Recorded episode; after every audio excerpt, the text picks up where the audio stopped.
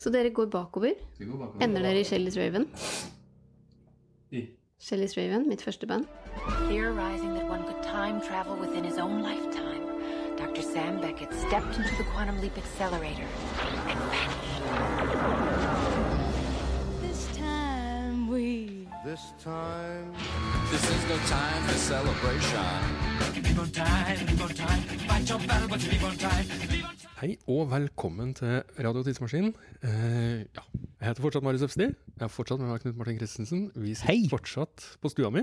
Eh, og vi har eh, om vi fortsatt Jenny Wahl. Nå har det jo vært uh, ute en tur. I forrige uke så var det Håvard som, eh, som var her, men velkommen tilbake, Jenny. Tusen takk. Og nå legger vi ut på sånn siste etappe i denne, denne reisa sammen med deg og Håvard. Trilogien. Ja. Jeg må kommentere hvor eh, gøy det egentlig er at dere bor i samme bygård, mer eller mindre. At det var bare snakk om å gå hjem en tur. Det syns jeg passa veldig fint. Jeg gikk eh, til naboen og kjøpte melk, men jeg glemte å sjekke om de hadde Dals. Hvis noen vil ha kontekst her, så, så finner vi oss et sted på, på Grønland som er en eh, Det er jo utprega getto her, for det er fryktelig mye trøndere. Eh, Så det er faktisk såpass mye trøndere at det står Kald Dals på butikken på hjørnet. Og det er ganske mye musikere her også. Det er det. Men det er jo fortsatt, i hvert fall når vi kjøpte, eh, så var det fortsatt en betydelig rabatt. da. Det har kanskje en sammenheng med det. Det var fortsatt billigere her enn det er i store deler av Oslo ellers. Mm. Ja. Vi må ikke begynne å snakke om boliger og sånt med folk fra Oslo. Det blir så, det blir så Jeg har ingenting, jeg har ingenting, det er jo så kjedelig. Det er litt sånn som man sier, sånn høflighetsprat, når man har lyst til å snakke sammen, men man ikke helt vet hva man skal snakke om, så blir det sånne praktiske voksenting, sånn bolig og sånn. Ja, det er fryktelig kjedelig, men du har i hvert fall lært at hvis du skal mm, kjøpe billig, så går du etter de områdene med mest trøndere i. Ja, Det jo det er jo og lærdom å ta med seg, da. I så fall har hele livet mitt vært å nærme seg trønderne. Det sier litt om min eh, kjøpekraft. Ja. Um, men ja, tusen takk for at du eh, har lyst til å komme. Var Bare hyggelig. Du har jo hatt eh, vi, var jo inne på at Håvard hadde gitt ut ganske mye i 2018. Eh, du har jo også fått gjort en del i år. Ja, jeg har jo det. Ny bok på norsk, ny bok på engelsk, skal vi si, oversatt til engelsk. Eh, EP med Som Jenny Wahl, og EP med Lost Lost- Girls. ja. Har, vi, har vi alt fra 2018 der? Jeg tror det, altså. Topper der. Orker ikke mer. Du, det er en musikkpodkast. Jeg må bare spørre først, fordi den, den, den um, første boka di ble nettopp oversatt til engelsk. Hvordan er den prosessen? Er du, hvor involvert er du i uh... Eh, hvis, jeg hadde, hvis det hadde vært den nye boka mi som hadde blitt oversatt, så hadde jeg gjort mye mer. Men siden dette var så lenge siden, og fordi det da også er liksom Jeg, jeg har glemt både hvordan jeg skrev, og hva jeg tenkte på, og hvordan boka var. Så jeg satt egentlig bare og koste meg. Bare eh, leste mot slutten, da. Leste eh, over Og syntes det var fint, egentlig. Var, jeg syns det er en veldig fin oversettelse. Veldig go godt gjort. Og hun som har oversatt den, hun, Mariam Idris, hun, hun er veldig, veldig ung, men, eh, men hun har virkelig forstått Så det hadde på en måte ikke så mye å Så det er, det er veldig flott å kalle det liksom eh, samarbeid. Noen i England sa at det var liksom en collaboration, og det er veldig fint sagt, men det er jo samtidig så, Samtidig har jeg jo ikke vært så veldig involvert, men hun gjorde en prøveoversettelse av en liten del av den nye boka. Og da var jeg med en gang litt sånn derre Da var det veldig collaboration, og det var veldig gøy. Men det er fint å ha gjort noe, og så lagt det fra seg, og så bare se hva som kan skje med det. Um, så det var bare egentlig fint. Pluss at jeg jobba jo med en ny bok, så jeg hadde jo egentlig ikke tid til å Altså, jeg var jo i et annet språk i hodet mitt, så jeg, jeg tror at hvis jeg hadde vært mer involvert, så hadde jeg kanskje bare underbevisst prøvd å gjøre om den gamle boka mi til den nye boka, liksom. At jeg hadde ikke klart å være der. Så det var en veldig fin, fin prosess, hvor jeg liksom bare fløyt i utkanten og kom med noen sånne Hadde noen fine samtaler mot slutten. Det var veldig interessant. Men hvordan, eh, hvordan bytter du mellom prosjekter? For jeg tenker at både bøkene dine og de forskjellige platene veldig sånn distinkte prosjekter. Ja, det er jo ganske Altså, det er jo veldig forskjellig prosess, eh, så det er ikke så veldig Det store problemet for meg er konserter. Eh, jeg kunne helt sikkert skrevet bok og lagd plate samtidig, hvis jeg hadde hatt lang nok tid. Ja. Um, for det er bare liksom sånn Så lenge jeg er hjemme, så er liksom ting man kan gjøre hjemme, ganske sånn fleksibelt og fint. Og så er, det, så er jeg ganske god til å prioritere å legge det regnskapet på hylla, og isteden gjøre ferdig det kapitlet. Og jeg er ganske flink til å liksom stå opp tidlig og tenke sånn, ok, hvis jeg skal få gjort noe, så må jeg skrive før alle begynner å mase på e-post. Da må jeg bare liksom stikke av mens jeg kan. Men så kommer det masse konserter og sånn, og det er liksom sånn, det er veldig urokkelig. Det er veldig sånn på, på en måte så er turnering noe der man må gi seg hen, og, og hva alt kan skje, og så videre. Men samtidig er det det aller mest fastlåste. For det er liksom booka. Du må nå det flyet hele tida. Og, og du kan ikke gjøre noe annet den dagen. Og så videre og så videre. Sånn at det er det mest forsteina i min kalender, da. Mm. Eh, Så det er det motsatte av det man tenker, liksom. Eh, Så det ødelegger av og til veldig mye, men samtidig så kommer jeg kanskje da tilbake fra en tur og har sluppet taket i ting jeg satt fast i.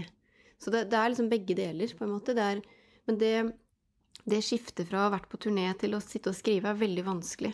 For man blir jo veldig altså i hvert fall Når jeg først har kommet i gang med en reise, og det har vært interessant å spille, og jeg har møtt eh, folk osv., og, så videre, og vært sammen med bandet mitt som jeg er veldig glad i, og vi har hatt masse fine samtaler, og musikken har liksom vært veldig spennende og sånn, så, så er jeg liksom inni det, og så, jeg, så kjenner jeg at jeg har bare hatt lyst til å reise videre igjen, liksom. At du liksom kommer Du får litt um, blod på tann, da. Og jeg husker at første gangen jeg var på en litt lengre turné og dro til USA, som ikke er så altfor lenge siden, det er bare sånn fem år siden. For før det så hadde jeg vært mer på sånn kortere turer. Så var jeg så rastløs fra det. Jeg hadde liksom vært borte liksom tre uker, ganske to ganger på rad, ganske kjapt. Og da, da begynte jeg da måtte jeg da måtte jeg begynne å se på flight radar på, på internett for å se fly gå over fra Atlanteren. For jeg var så rastløs at jeg måtte bare Jeg må se at det skjer noe her. Eh, Så satt jeg liksom og var helt sånn herre Og da er det ikke så lett å begynne å jobbe med sånn Oi, oi, nå er klokka åtte, da skal jeg begynne å jobbe. Så sånn rutinearbeid, da. Ja, Hvor lang tid må- bruker man på det? Når du kommer hjem etter en lang turné og bare krasjer, og så må du stille om hodet Nei, altså, jeg, blitt, jeg ble fort veldig kjedelig sånn, så at jeg prøver så godt jeg kan å ikke krasje, da. Ved at jeg legger opp turneer sånn at jeg ikke skal krasje. Fordi jeg gjør det så mye at hvis jeg krasjer, så krasjer jeg jo hele tida. Da kommer jeg til å få veldig, veldig dårlig helse. Mm.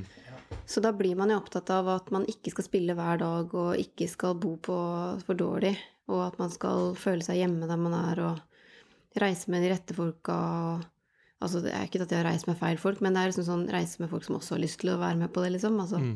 ikke føle man drar med seg folk som egentlig vil sitte hjemme, for eksempel. Eh, at man har det fint, da. Ehm, så jeg prøver å være det samme borte som hjemme, og så er det umulig, men det er litt mulig òg. Hvis man liksom har noen triks, så, så kan, man, kan man slippe å krasje. Mm. Forhåp, man kan jo ikke vite det, men man kan prøve, sånn at det skjer i hvert fall ikke alltid, sånn at jeg slipper den der lange Mm. Ja, så er det jo fint egentlig å måtte gjøre noe med en gang man kommer hjem òg, sånn sett. Selv om man har lyst til å sitte og liksom stirre i veggen eller se på Flightradar eller Netflix, som er litt mer vanlig. um, men jeg er ganske glad i statiske ting, da. Så Jeg kan prøve snooker. det, tror jeg, det så jeg en del på på liksom natta på Eurosport da jeg var liten. Det er liksom mange sånne ting som er ganske fascinerende. Det er jo, Hvis du liker dronemusikk, liksom, så er veien kort til å se på snooker. Der har du en fin snu, snuker- og dronekonsert. Mm. Eller noe sånt. ja. Um, men vi prøver å bevege oss mot uh, Du har gitt ut en ny uh, EP? EP. EP. Ja. Riktig. Jeg bare hadde Det står, det står på arket mitt, til og med. Det. Det hadde Som- ikke vært noe farlig om du hadde sagt feil. Som Den er ganske lang, så at det kunne nesten vært en LP. Eh, men i hvert fall som heter The Long Sleep, Mm. eh, som vi har plukka spells fra. Det er Martin har plukka spells fra. Det er du som er redaksjonelt ansvarlig for musikkutvalget, så det Mm. er jeg som må ta skylda og æren for det. Eh, og, jeg nevnte jo så vidt i stad altså at de fleste av albumene dine føles jo veldig sånn ut som sånn distinkte, sjøl om man liksom kan helt klart se en, en tråd og alt sånt. Så her er jo en, en jazzplate.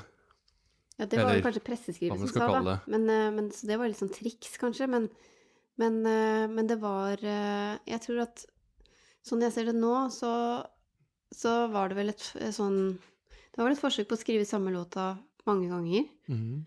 Um, som dukka opp fordi Faktisk bare så praktisk som at noen sa at kanskje du burde gi ut noe siden du ikke skriver plate ennå. Så det er jo kjempespennende inspirasjon, det. Men det er jo veldig åpent, da. Gjør noe, liksom. Kan du gjøre noe? Og jeg hater den oppgaven hvis jeg får et oppdrag, men når det er min egen musikk, lag noe, og det ikke er liksom til et, et prosjekt som andre driver med, eller noe sånt, for da er det kjempevanskelig å, bli å si at hvis noen sier 'kan du gjøre noe', men, men eh, noen sa kanskje du burde gjøre noe, kanskje en EP eller noe, og så bare skrev jeg veldig fort. Så jazzelementet er vel bare at jeg hadde med en saksofonist og, og en eh, keyboardist som bare delvis er opptatt av jazz, egentlig, men spiller liksom litt begge deler. Mm.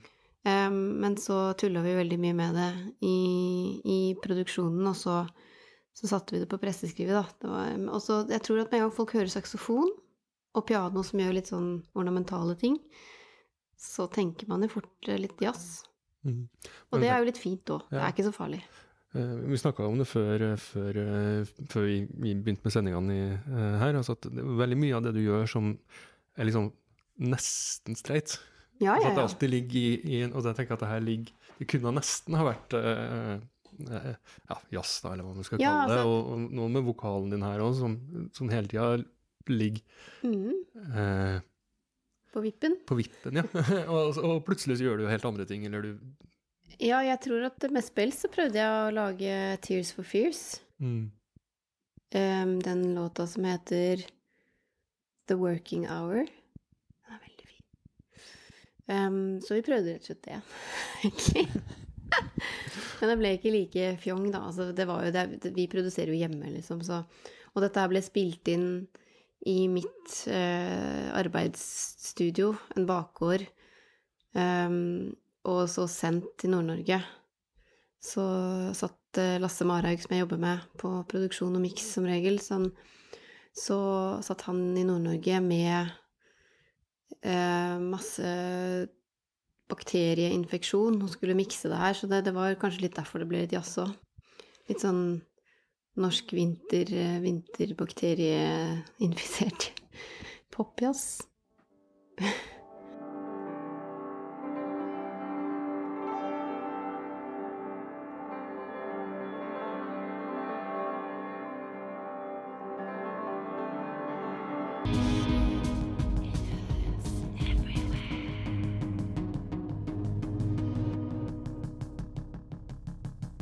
Og så Female Vampire fra Blood Bitch, som var 2016s beste plate.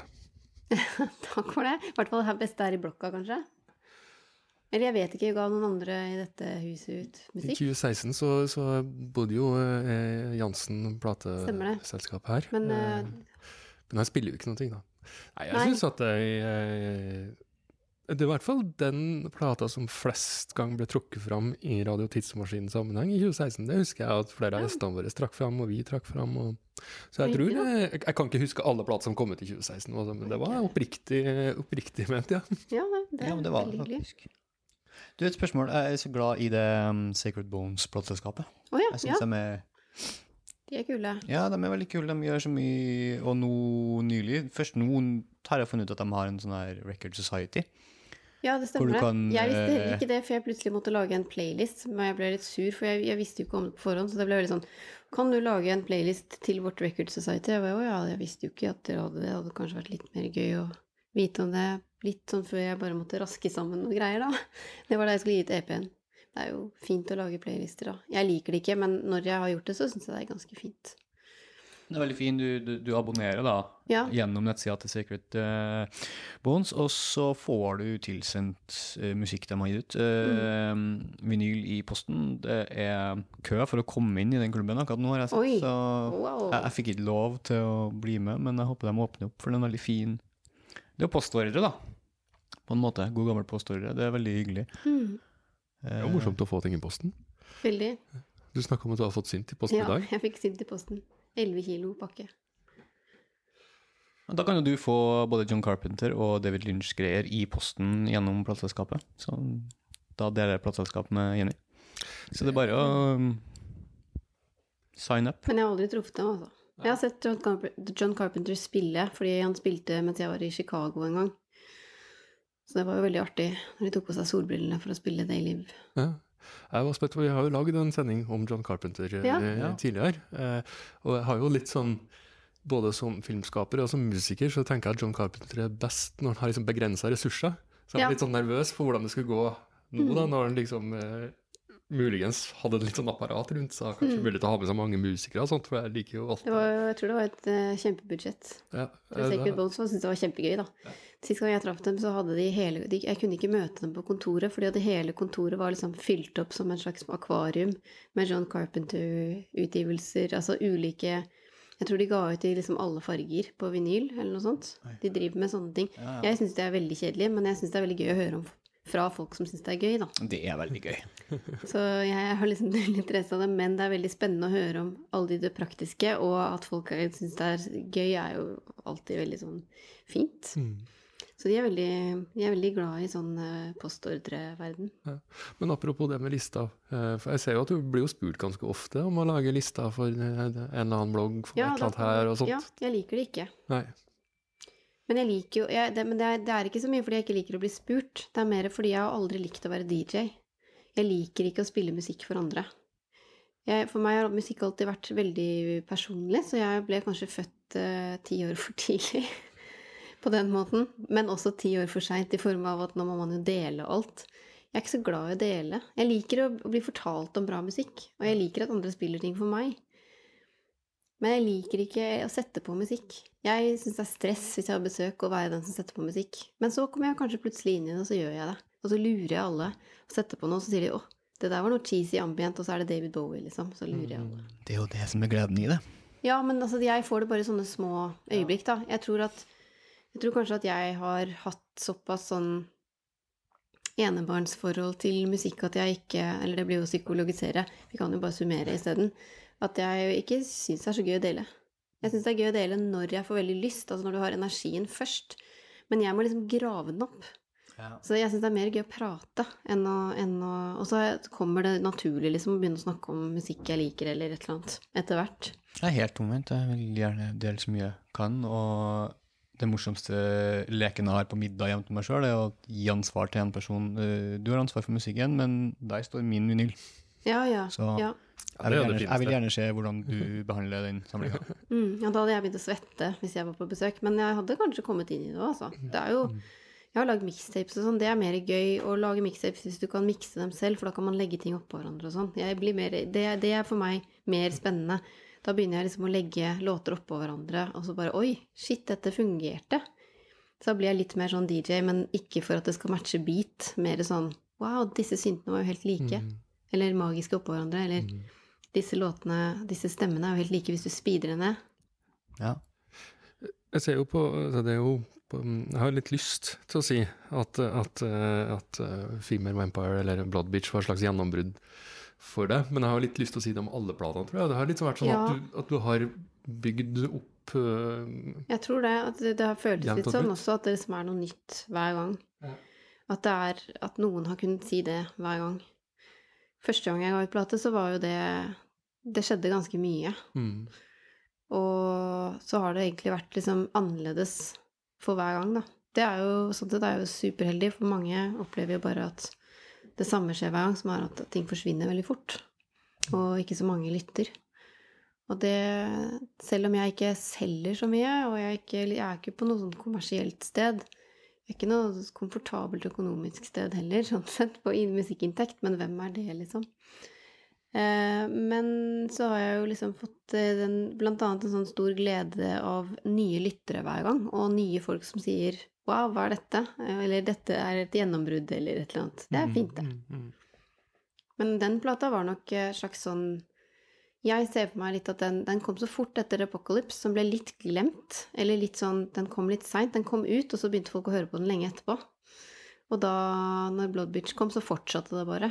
Sånn at da Det ble på en måte en slags sånn gjennombrudd for begge de platene samtidig når den andre kom. Det er sånn jeg tenker litt på det. For jeg fulgte det jo liksom fra scenen. Jeg spilte så mye. Vi, eh, vi skal jo begynne å nærme oss eh, 2015 nå, eh, Ja, ja, nei, men vi skal lure oss inn til Trondheim Jazzorkester eh, i mellomtida også. Ja. Og, inn, og da skal vi også inkludere eh, Håvard Voldens eh, venn Kim Myhr, som Mm, gikk han er på min venn, altså. Det er han nok helt sikkert. Eh, Han vi, spiller i bandet mitt òg. ja, det ser du. Eh, Vi gikk på videregående skole sammen for eh, 20 år siden, fant vi ut her i sted. Um, ja. Skal vi ja. spille? Kjør. Vi spiller uh, The Beak.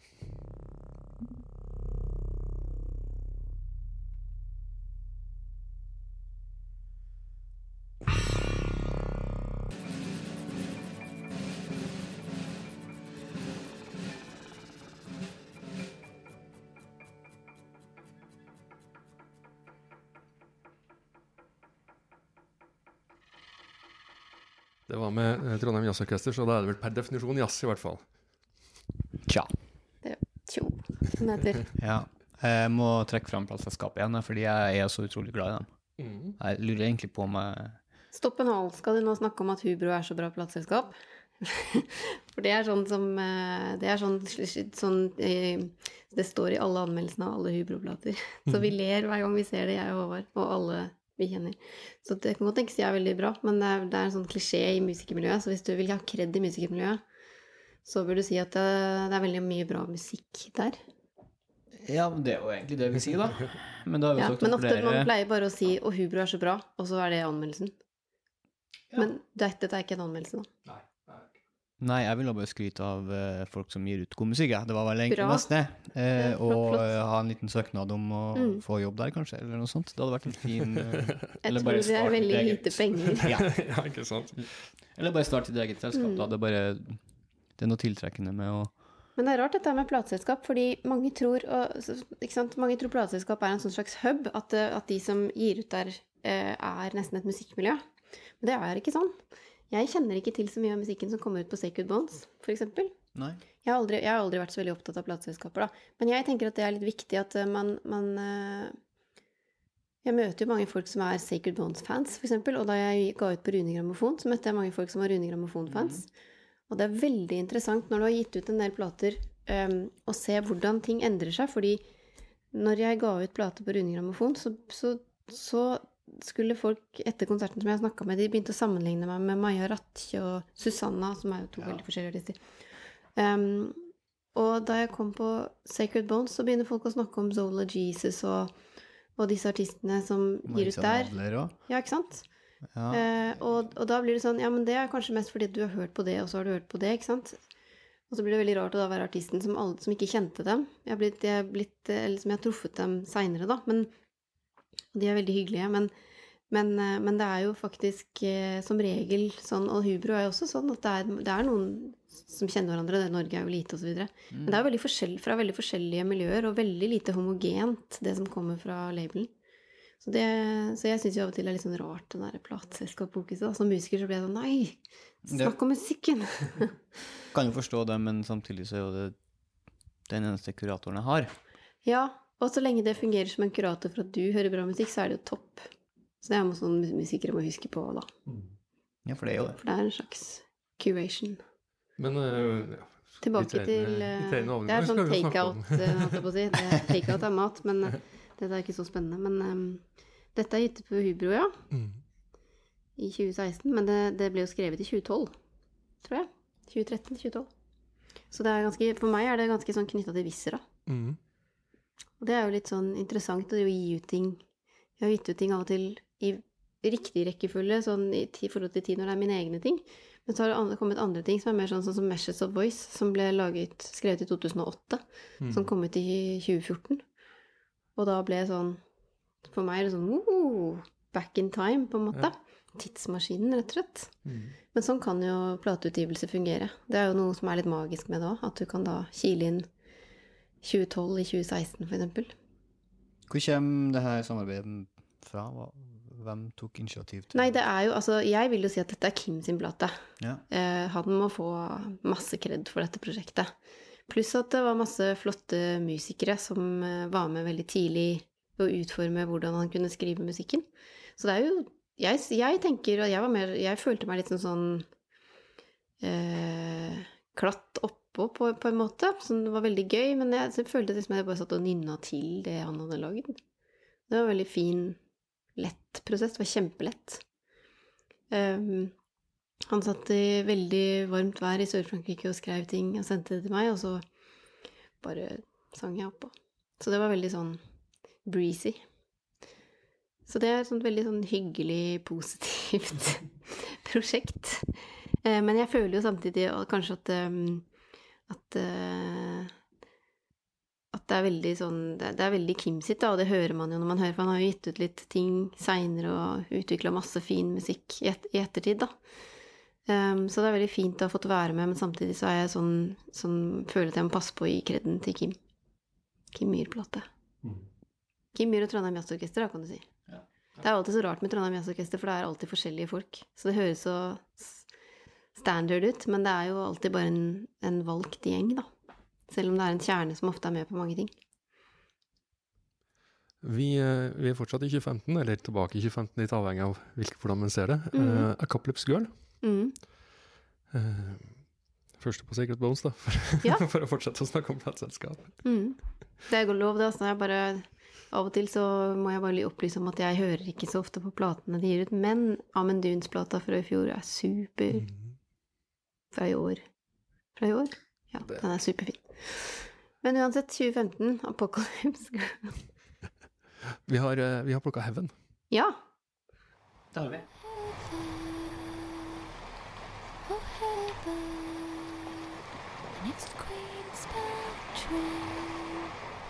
is two stations away.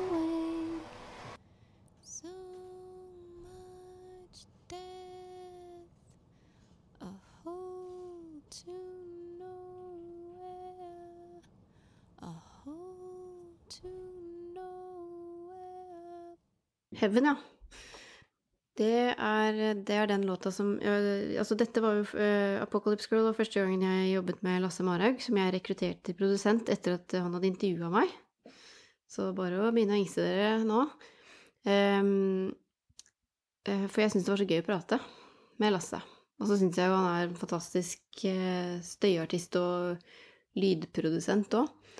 Eh, men han hadde jo aldri produsert noe før, da, så det var veldig mye sånn eh, høy, høykonseptuelle eh, samtaler blandet med lavkonseptuelt bruk av utstyr i begynnelsen. Lydkort som ikke fungerte, og sint vi glemte å stemme, og bare alle mulige sånne ting som er nesten sånn der første gangen man gjør noe. Um, og denne plata var første gangen jeg hadde jobbet med noen og kunne samarbeide lenge, fordi vi tok oss veldig god tid. Det kan man jo egentlig ikke nå. Men det gjorde vi bare fordi vi hadde tilgang på Lasse sitt studio, som jeg også jobber i nå, da. Og det høres jo ut som et studio, men det er bare en sånn vaktmesterbolig i en bakgård på Grünerløkka. Så det er ikke noe sånn proft eh, sted, for så vidt, men det er bare et veldig hyggelig lite hus. Så der satt vi, og vi tror at 90% av all tida vi brukte på den plata, brukte vi på Heaven. For den var så vanskelig. Det var 150 tracks. Eh, alle mulige slags eh, lydproblemer og instrumenter og greier. Eh, vi nærmer oss da liksom kanskje hvor mange tracks alle låtene på Blood Bitch hadde til sammen. Eh, og vi bare fikk det ikke til å funke, liksom. Jeg tror heller ikke den ble ferdig. Ja, det er så mange versjoner av den låta. Det er én versjon jeg har som når den er halvferdig, som jeg har hjemme på dataen min, der jeg bruker bare musikk fra en Jane Austen-filmatisering av Emma i bakgrunnen, med sånn cheesy, eh, sentimentale strykere som bare kommer inn med dialog og greier. Og det, det, så det er utrolig. Og vi prøvde thailandsk metal eh, på begynnelsen. Det, liksom, det tok aldri slutt, da. Vi prøvde alt. Så, så den låta der Jeg tror ikke jeg og Lasse egentlig kan høre på den uten å liksom få litt sånn fnatt. Men det er mange andre som syns den er fin, da. Jeg syns også for så vidt at jeg er på, på, mange måter litt stolt av låta, men det var jo da, når, sant, når du har lagd en plate og jobbet sammen i flere måneder, og du innser at 90% var bare å prøve å løse problemet som var en av låtene, så har man ikke kanskje de beste minnene, da, men gøy var det. Det er eh, også, det er eh, også eneste gang jeg har kunnet bruke Vi har liksom hatt sånn kanonlyder på plate. Det er jo den låta altså Jeg har jo valgt låta fra albumene ut ifra hva jeg liker best Ja. selv, og så har jeg prøvd å hoppe over det som da er første singel, på en måte. Mm. Så det er jo den låta jeg hadde brukt så mye tid og krefter på, som Ja, i ja. hvert fall står igjen for meg som Ja. det jeg liker best Ja. på den skiva, faktisk. Den er jo Ja, men altså, ikke sant, alle de der arbeidstingene, det er det jo ingen andre som vet. vet. Men det er det at når du vet det og er, er artisten, så det blir nesten litt sånn slitsomt å synge den live, for jeg bare tenkte på alle de der timene hvor vi bare Nei, det funker ikke. Så det er i livesettet? Nei. Nei. Nei, jeg spiller aldri gamle ting, jeg. Det er nesten ingenting fra noen plater lenger nå i settet. Nei. er, jeg spiller veldig sjelden gamle ting. Altså, jeg husker at eh, da jeg ga ut den første plata Nå snakker jeg veldig mye om det som er eldre før jeg skal, da, men, men eh, jeg var veldig sånn klar på at eh, veldig snart skal jeg slutte å spille Barry for Billy McKenzie. Da, jeg, da vi hadde liksom bikka seks måneder etter den første plata kom ut. Fordi jeg har, altså jeg har utdanning som er mer Jeg har vært mer opptatt av teater og performance enn eh, musikk i forhold til hva jeg tenker på når jeg tenker kunst. Mm. Og dermed så tenker jeg sånn at du gjør en slags produksjon, at du gjør en slags forestilling. Og når det ikke henger sammen lenger, så er det meningsløst for meg, da, som hvordan jeg tenker. Jeg vet at dette er veldig annerledes hvordan mange andre tenker, og jeg elsker det når mine favorittartister spiller de låt, gamle låtene jeg digger. Mm. Men eh, for meg så henger eksempel Apocalypse Squad henger sammen med låt, Låtene der henger sammen. Så når jeg først begynte å kutte ting i settet derfra, så var det ganske sånn kort periode før jeg egentlig ikke ville spille noe av det. Jeg det tror, var jo også en eh, oppsetning på Blackbox. Ja, det var det. i Så det, det var eneste gangen jeg kunne gjøre en sånn oppsetning. Så det, det ga jo liksom mening også at, eh, at visse ting går ut når de ikke lenger kan koble seg til hverandre. Da. For de to siste platene mine har vært veldig sånn Der har låtene vært veldig tett knytta til hvordan de blir, går videre til neste låt. Eh, Så de har liksom på en måte blitt transformert inn i hverandre. Så når du ikke lenger har det du kan transformere inn i, så er det sånn du Vi improviserer kanskje en stund og prøver å gjøre det om til nyere ting og sånn. Men etter en stund så bare vil jeg gjøre noe nytt, si noe nytt til publikum. Mm. Så jeg er litt sær sånn, da. Men, Jo, men- noen må jo være det, Jo, jeg. men det er utrolig godt å følge artister gå på konsert og vite at du ikke får det du fikk forrige gang. Fordi i 97% av tilfellene så um, går det jo for å se de tre låtene som var hitene, eller så må du sitte, gå gjennom en konsert for å høre tre av de nye låtene fra nyalbumet pakka inn i alt det andre som Mm. fansen vil ha. Det å vite at du får Det er ikke så mange band, det er ikke så mange artister som gjør det, men det å vite at du får noe nytt. Det er så be- befriende å gå på konserter.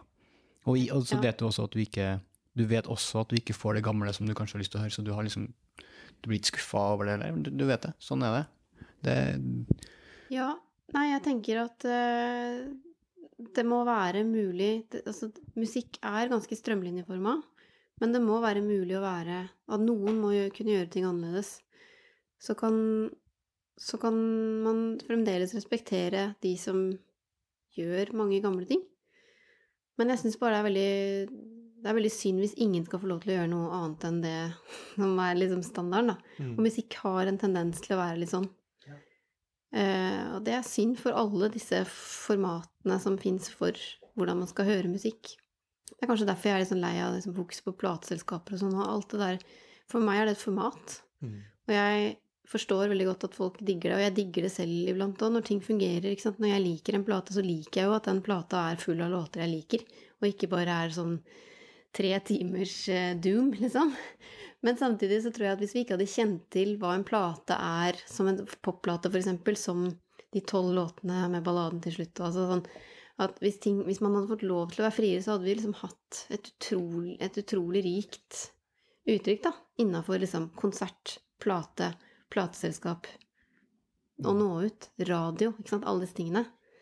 Men da begynner vi å nærme oss over på, em, på et av eh, Knut Martins andre favorittema, og gjerne da koble med en sånn ting som frihet, nemlig bestillingsverk. Du er jo bestillingsverkentusiast. vi er i Ja, det er det. redaksjonen.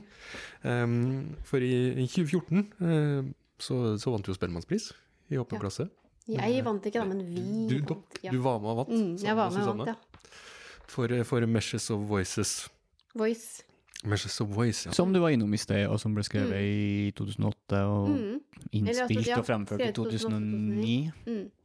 Og så utgitt veldig lenge etterpå. Nei, jeg, ja, nei, jeg er jo en forkjemper for bestillingsverk.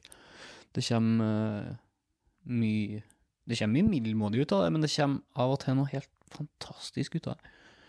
Uh, som aldri ville ha vært der om ikke. Ref.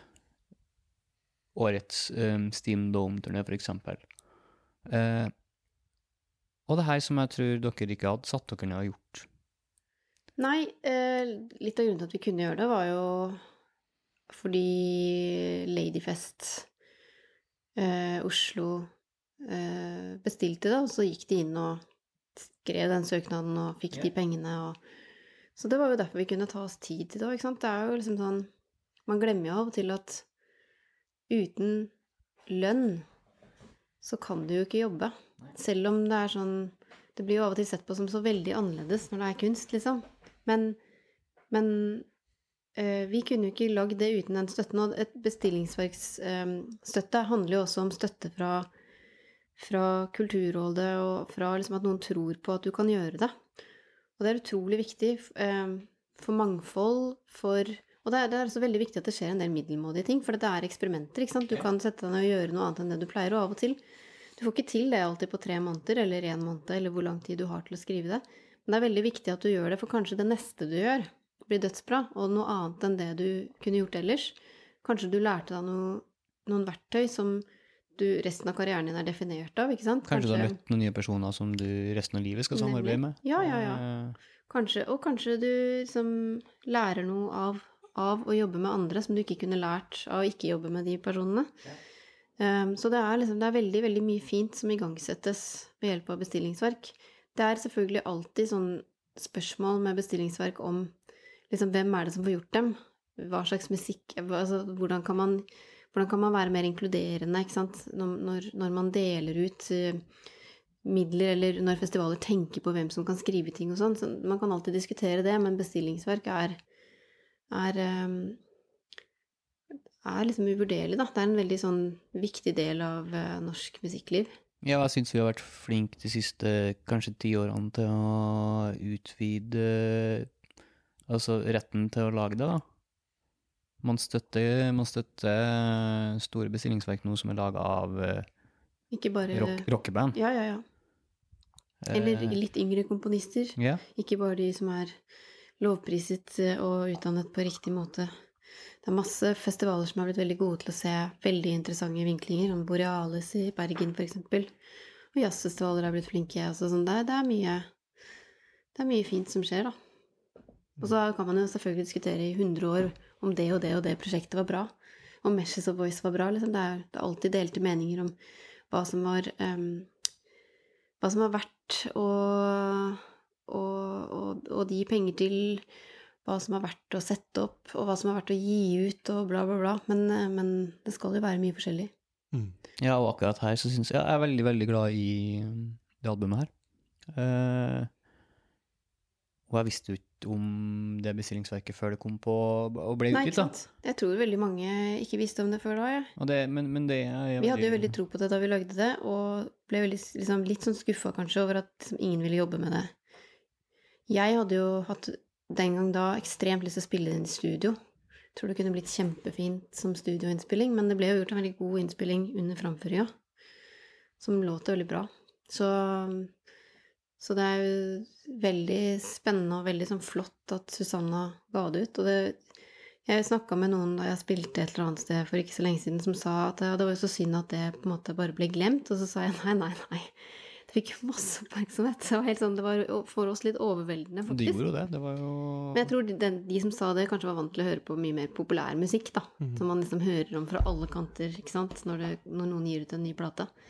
Men det var virkelig en overraskelse. Så vi fikk ikke tatt det så veldig mye lenger. Det var liksom litt, eh, litt lenge etter at, eh, at vi hadde lagd det, og vi hadde så sinnssykt mye annet som skjedde. Så for eksempel, jeg var jo liksom da Det var akkurat da jeg, den kom ut akkurat uka før jeg skulle begynne å spille inn Apocalypse Girl. Og det skulle jeg holde på med i seks måneder nesten. Og selvfølgelig med masse pause, med masse turnering. Men så kom dette her, og så plutselig fikk vi spillejobber, og så ble det veldig spennende. Men det var jo da veldig begrensa hva jeg kunne være med på og sånn. Så sånne ting er jo litt synd, da. Men, eh, men det er jo et luksusproblem. Ja, og albumet står jo. Eh, og vi hører 'Running Down'.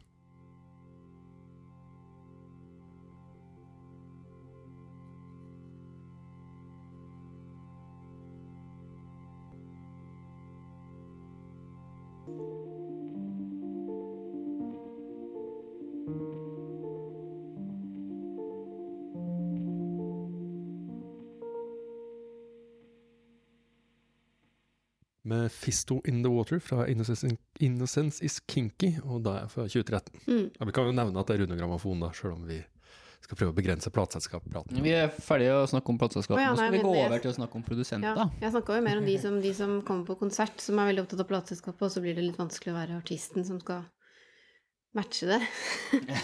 Fordi man er jo ikke alltid fan, eller sånn Plateselskapnerder er liksom noe annet enn musikknerder av og til.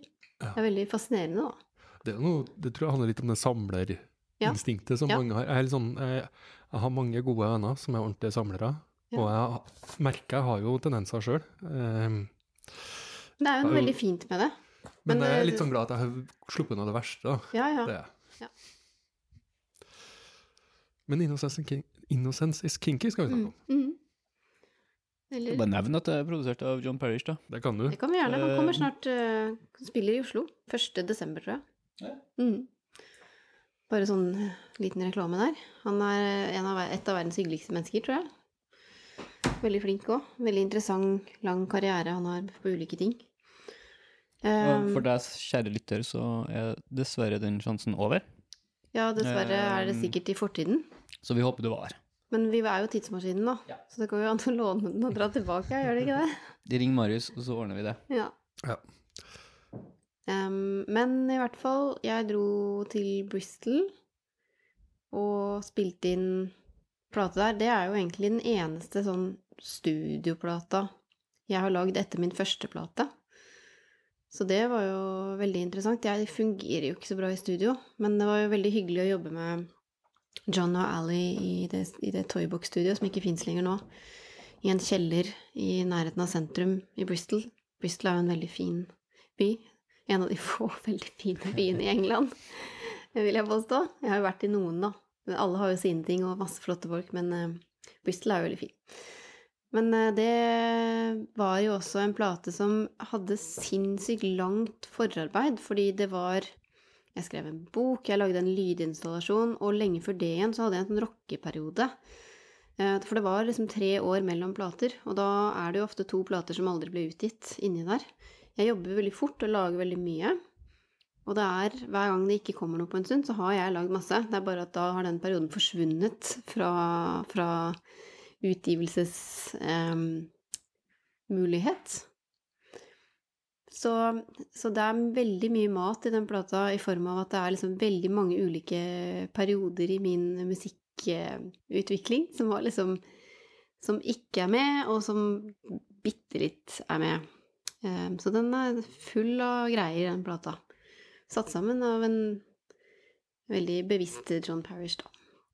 Så den plata begynte egentlig med et bestillingsverk, apropos, eh, som Ser du, var lyst, Det er mm. riktignok totalt uten budsjett.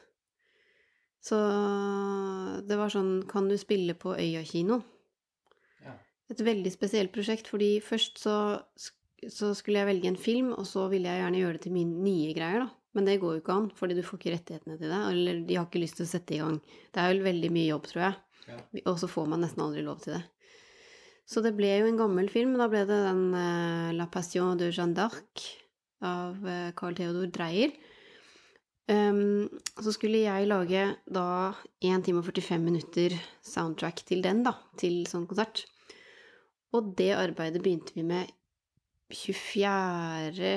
juli 2011. Så det var jo en crazy tid. Og da har du jo også eh, Da er du også midt i en eh, prosess med å skrive bok òg, kanskje, her, da? Nei, det Eh, var faktisk etterpå, for dette, den plata kom ut to år etter, og boka kom ut i 2012. Mm. Så det her Det var faktisk det bestillingsverket som begynte alt, og da datt det jo ut en del ting, da. Det var liksom For meg så var 22. juli eh, ikke noe sånn jeg ble Det ble jo Alle ble jo berørt, men jeg var ikke sånn personlig berørt i den forstand. Men, men jeg tror det endret litt mitt forhold til politikk. Eh, Å være mer bevisst på hva som skjer i Europa. Så det er vel det faktisk som er hovedtemaet på den plata. Det som skjer i Europa, og det som skjer i verden, skjer her også. Ja, for det er noen låter vi kunne valgt isteden. Eh, blant annet en som heter Oslo Oedipus. Mm. Um, Som jeg opprinnelig spilte inn oppå Public Enemies uh, Fight Fight the power. Men jeg turte ikke bruke den. det var dårlig gjort. Sample-problematikk. Så jeg fikk uh, Espen Reinersen til å spille inn noe sånn uh, tøysesaks, og fant, uh, fant noen andre greier på YouTube isteden. Så den kunne dere valgt. Men det, Mephisto in the Water er jo litt mer sånn Det som ligger og flyter under vannet i eh, Hva heter den sjøen nå? Der Utøya ligger. Ja. Det er en fjord, men eh, Det er et slags oljesøl igjen fra 22. juli. ja. Human, human olje, oljesøl. Har du um, Det spurte vi Håvard om i sendinga du kan høre hvis du går litt tilbake. Uh, men har du et sånt skap hjemme med masse som du ikke har gitt ut? Som Ja, jeg har jo eh, en datamaskin så er- og disker, så det er bare å komme og bryte seg inn tett inntil Radiotidsmaskins hovedkvarter. Så kan du ta med deg ganske mange hundre låter som jeg ikke har gitt ut, ja. Hva tenker du Skal de bare ligge der for alltid? Nei, eller vil du ganger- en dag bare Noen ganger har jeg spurt folk om hva jeg bør gjøre med det, om jeg bør lage et slags arkiv og legge på nett, eller om jeg bør få noen til å lage en sånn kjempeboks med bare sånn trashy demoer, som er sånn 300. Eh, mega samleobjekt. Um, det er ingen som har hatt Altså, de fleste veldig kule folk jeg kjenner som har hørt på det, har tenkt sånn Ja, dette er veldig kult at du har gjort, la det ligge. Ja. Men jeg tror ikke det har vært pga. musikken, jeg tror det har vært pga. at det er så kult å ikke gi ut ting. Eller sånt konseptuelt um, Men jeg har f.eks. Eh, demoversjoner av det meste på førsteplata mi som jeg personlig liker mye bedre enn den plata, for den var jo liksom Det er jo min første plate. Det er jo begrensa hvor fornøyd artisten selv kan være. Men jeg, etter å ha hørt Kate Bush sin eh, remake-plate Hva er den heter igjen nå? Deep Ikke Deep Cuts, men eh, jeg husker ikke. jeg så tenker jeg kanskje at kanskje det skal ligge, da. Jeg er ikke så veldig glad i den, dessverre.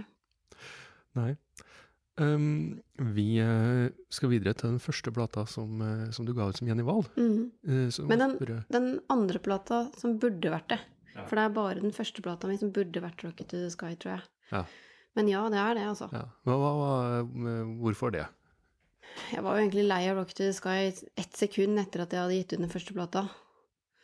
Men jeg tror ikke jeg skjønte hvorfor um, altså det, For meg så var det veldig viktig når jeg, da, da jeg begynte å gi ut ting, at jeg skulle ha et navn. fordi hvis jeg hadde et jentenavn som Jenny Wahl, så kom jeg til å bli sammenligna med Joni Mitchell og andre damer med gitar. Og da var jeg for ung og for usikker og til å tenke at det gjør ikke noe. Mm. jeg tror også at i Norge så var man litt lite bevisst på indie og avantgarde popmusikk. Så jeg tror ikke folk skjønte forskjellen på folk som driver og spiller inn og gjør ting med eh, egenprodusert lyd, og folk som spiller inn i studio akustisk musikk. Jeg tror ikke det var en, noe folk skjønte på tidlig 2000-tall. Så bare for å være litt sånn slem med norsk tidlig 2000-tall, så tror jeg faktisk ikke det var noen forståelse for den forskjellen. Og det tror jeg musikkbransjen og musikkjournalistikken har slitt med veldig, veldig lenge. Og det er et veldig sånn Det er veldig kjønnsbetinga, dessverre. Men det har skjedd ting, heldigvis, i etterkant, da. Så hvis jeg hadde vært uh, Rocket to the Sky uh, og begynt nå, så hadde jeg kasta det navnet på sjøen med en gang. Ja. Eh, fordi det var jo mest derfor. Men det var også fordi at det var, liksom, det var den første låta jeg skrev som jeg spilte inn. Het Rocket to the Sky, da. Så det var for å liksom bare holde alt helt på starten. Jeg skjønner. Tilbake til start hver eneste gang, liksom. Men jeg var veldig glad for å kaste det, kaste det på Visra, da. For da følte jeg at den plata passer uansett ikke inn i, i eh, til et sånt navn. Så det var veldig greit. Og da bytta jeg jo plateselskap for første gang òg, som soloartist. Og det føltes som et bra tidspunkt. Jeg må bare si det navnet, sånn som jeg leste og sa det i hodet mitt første gangen jeg så det bandnavnet. Og det er så gøy. Det har jeg aldri hørt før. Men jeg skjønner det veldig godt, da. Det var jo et band, var et band som het Rokatanski på den tida. Det var jo ikke så morsomt. Men eller altså, bandet var ikke så bra. Men ja, jeg, det var veldig vanskelig, det der. Og selvfølgelig, det er jo altså det der å ha alle bokstavene sammen Det er jo mange band som har gjort det. Eh, men det er jo det er jo litt sånn Det er jo litt derfor man gjør det òg, fordi det er så vanskelig å lese. Så De fikk oss til å føle oss ganske dumme da vi innså hva det egentlig ja, het. ja, ja. Det var jo et pek. Det var jo et performativt pek. Ja. Men så blir man jo litt lei av det selv etter en stund, da. Så da var det greit å bytte. Men jeg Til Jenny Chaval eller Whale Jenny Whale. Ja, det er mange, mange former for det. Jenny Hal. Men jeg husker at det var eh, Det kan jo hende at jeg ikke helt hadde Altså I ettertid så, så kan jeg vel kanskje se liksom utviklingen fra, fra Rocket to the Sky til Janneval, og, og særlig med Medea, men jeg husker når Visera kom, at, at det opplevdes som et lite sjokk, egentlig. Altså At det gjorde noe med mine forventninger, eller at det, det kom som noe mye råere enn jeg hadde forventa. Ja, det hadde jo gått uh, lang tid igjen, da. Det var jo da det gikk tre år, ja. Stemmer det. Det var tre år med mye tankevirksomhet mellom de to platene. Jeg husker jeg så deg live rundt der, på Familien i Trondheim, Ja, med to Ja. gitarer. Deg og to gitarer, bare. Ja. Jeg husker ikke om det var før eller etter plata kom. jeg husker ikke jeg heller. Litt, jeg lurer på om det kan må ha vært før. jeg husker det var ganske gøy. Ja. Så Det var en jeg veldig fin konsert. Det var, eh, det var, jeg husker jeg var veldig overraska, fordi familien jeg skjønte ikke hva slags sted det var. Det var liksom så pubete. Ja. Men så var det veldig gøy å spille. Men ja, det var jo på en måte kirkeperioden, da, egentlig, sånn lydmessig. Sånn perioden jeg burde spilt i kirker. Ja. Og den ble spilt inn i kirke også, med et voldsomt sånn eh, Sånn eh, prosess med å få godkjent tekstene av Kirkerådet. Så jeg sendte inn tekster hvor jeg bytta ut alle kroppsdeler med mildere kroppsdeler. Sånn at kønt ble til kne og sånn. Men de var fremdeles usikre mm. på om det kunne spilles inn i kjerka. Fordi at det var senkveld eller et eller annet sånt TV 2-program hadde vært der, og da hadde det plutselig vært så liksom sånn litt sånn vill stemning og filma der. Og de hadde blitt så redde, da. For at det skulle være masse usømmeligheter i kjerka. Så, men, men vi spilte noe inn der, og unnskyld så mye hvis noen hører dette og tenker at jeg var slem med det, men det blir jo så Altså, hvis du skal være så amerikansk at du skal sensurere tekstene til noen fordi de skal spille inn noe i et lokale, når tekstmaterialet er gjennomtenkt og ikke Og egentlig så skal det jo være fritt. Kirkerommet skal jo være fritt, liksom, så det Så det skal jo være Man skal jo banne i kirka. Ja, man skal faktisk banne i kirka. Og spesielt i domen også, så skal man eh, egentlig få gjøre det man vil. Med en kjempefin klang. Vi eh, får eh, Black Morning, skråstreke skråstrek Visera.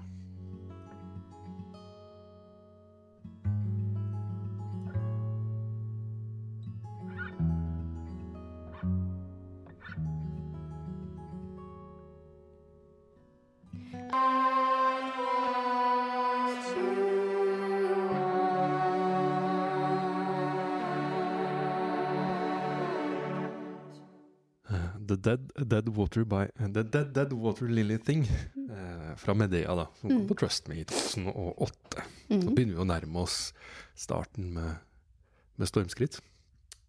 Eller slutt. Ja, Og mellom det her og forrige låt, så har du også sluppet din første bok i Ja. 2009. Kan, ja, eh, både Medea og eh, Visra har jo det til felles at de har ting fra boka. På en måte eh, Det er liksom de, de er litt i den prosessen, begge to. For det er låter jeg jobba med, og materiale fra den perioden jeg skrev den boka. Um, så det, det, det hang litt sammen, alt sammen. Men uh, dette her er jo faktisk fremdeles den eneste plata jeg produserte helt selv.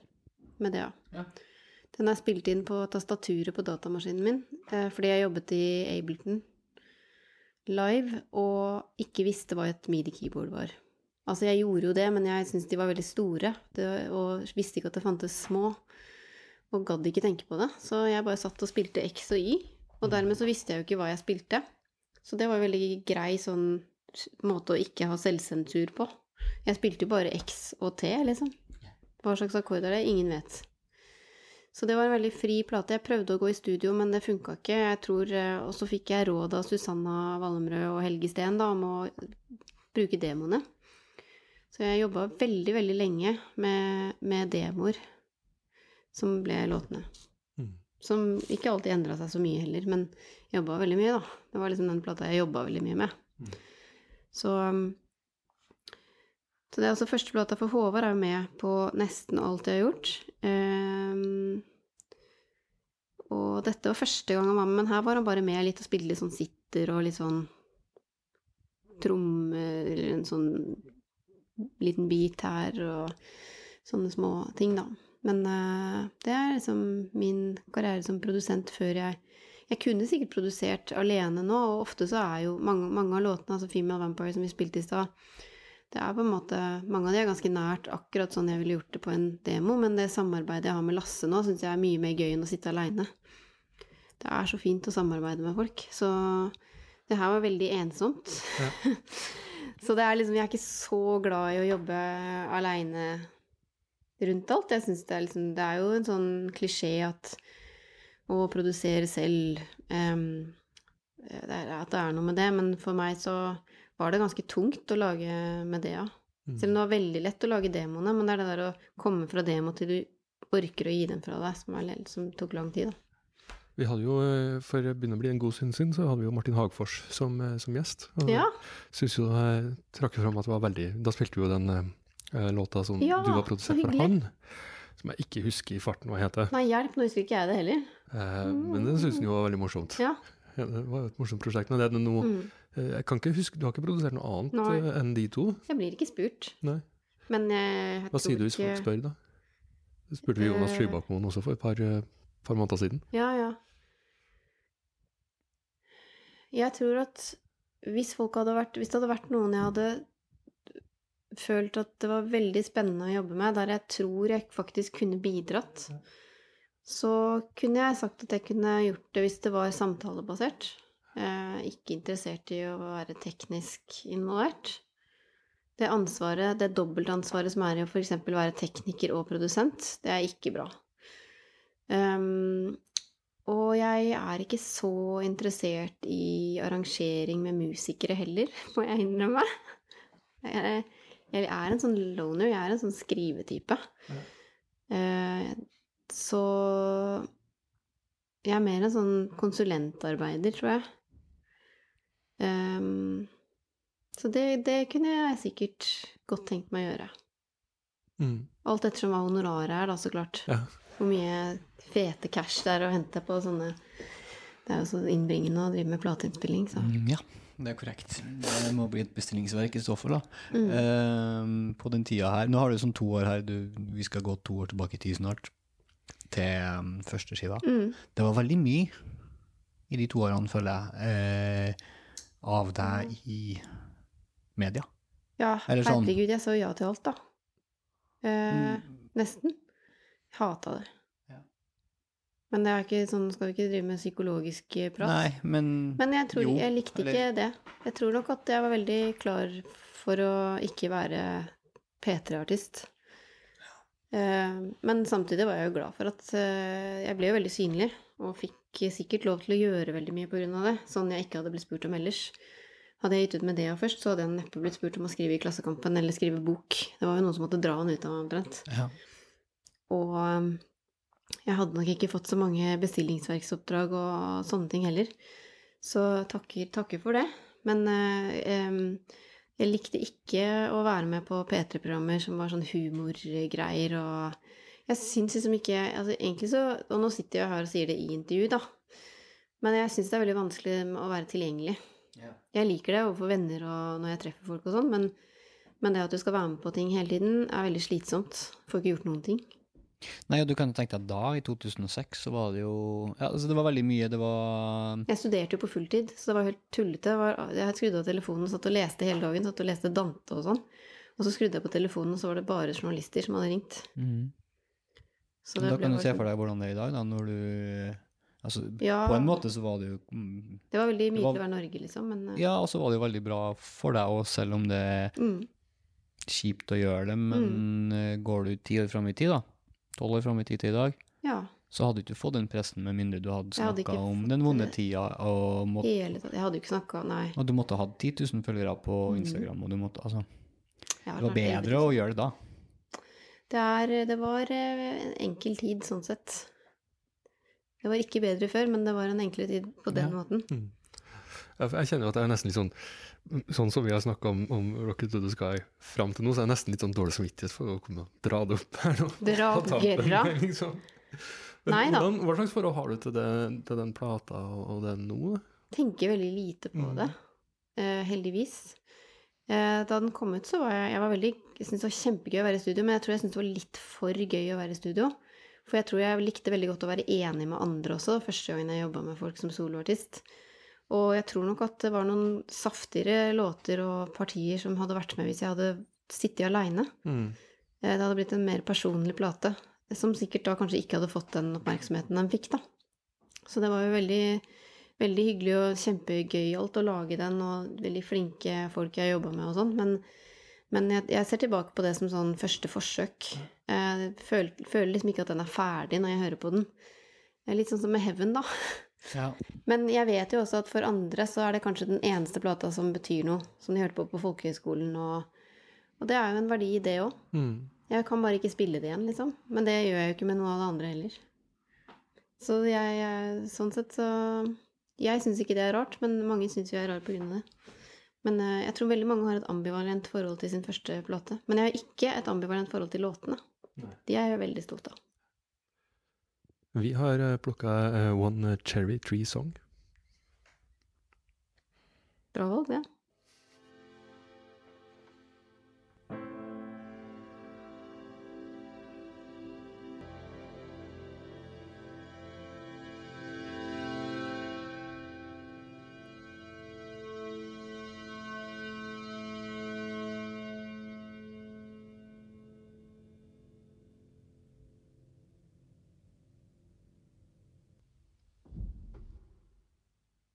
da, da begynner vi virkelig å nærme oss eh, en slutt eller en start. Um, eh, egentlig så er vi litt forbi der vi trodde vi skulle slutte av i dag.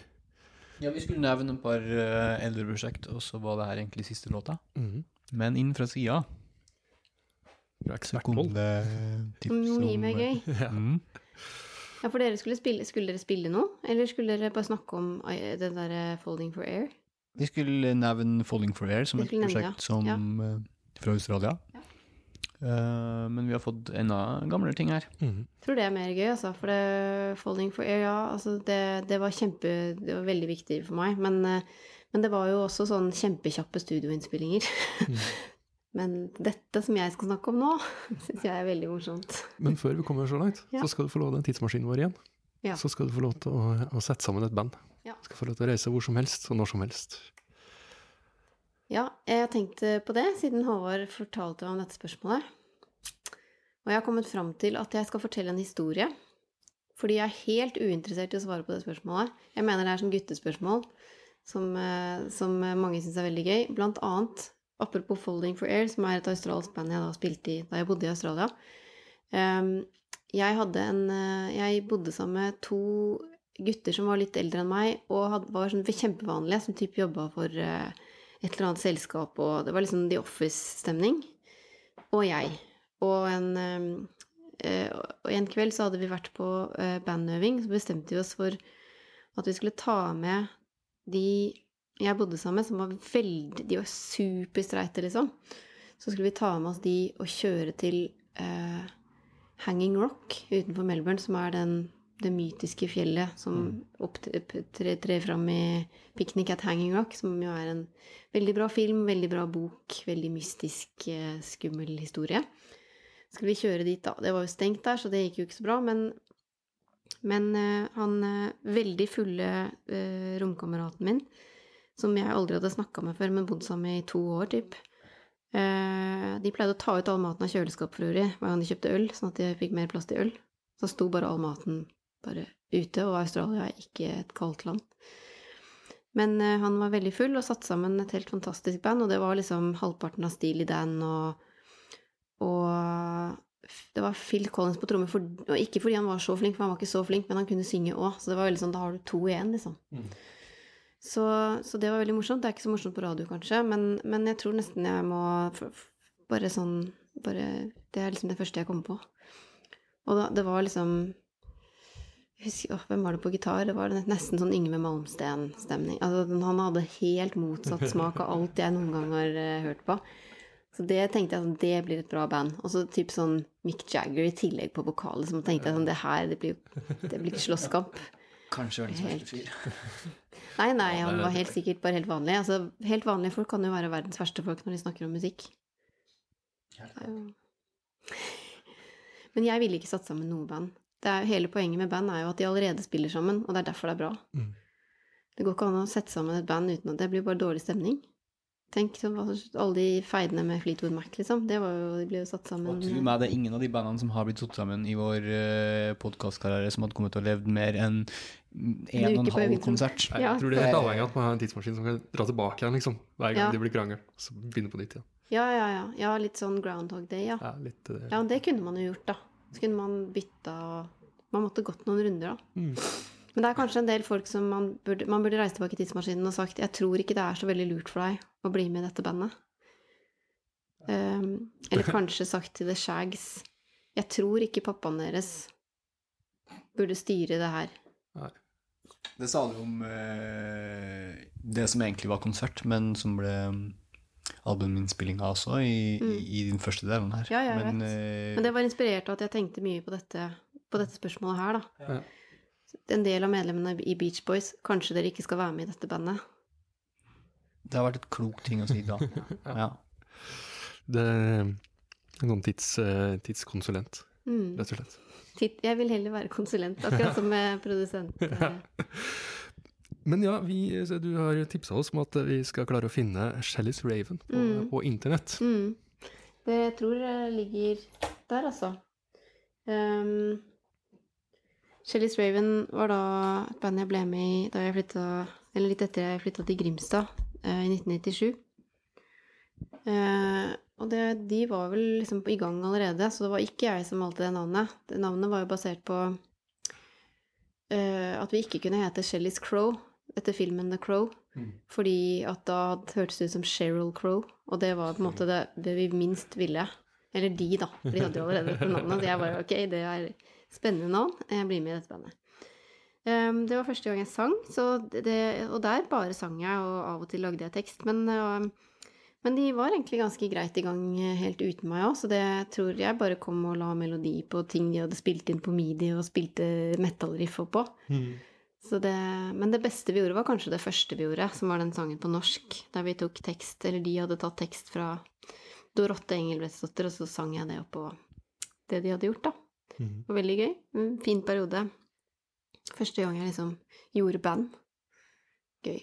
Det høres ut som uh, symfonisk metall uh, i det bandnavnet der, så ligger det mye Altså det, Jeg kan se for meg en de video kjente, her. de kjente bassisten i Theater of Tragedy, Ja. som var et av de der banda, men jeg syns jo dette Altså det der med at det skulle være to sanger Det var i den perioden det var Beauty and the Beast-ideal.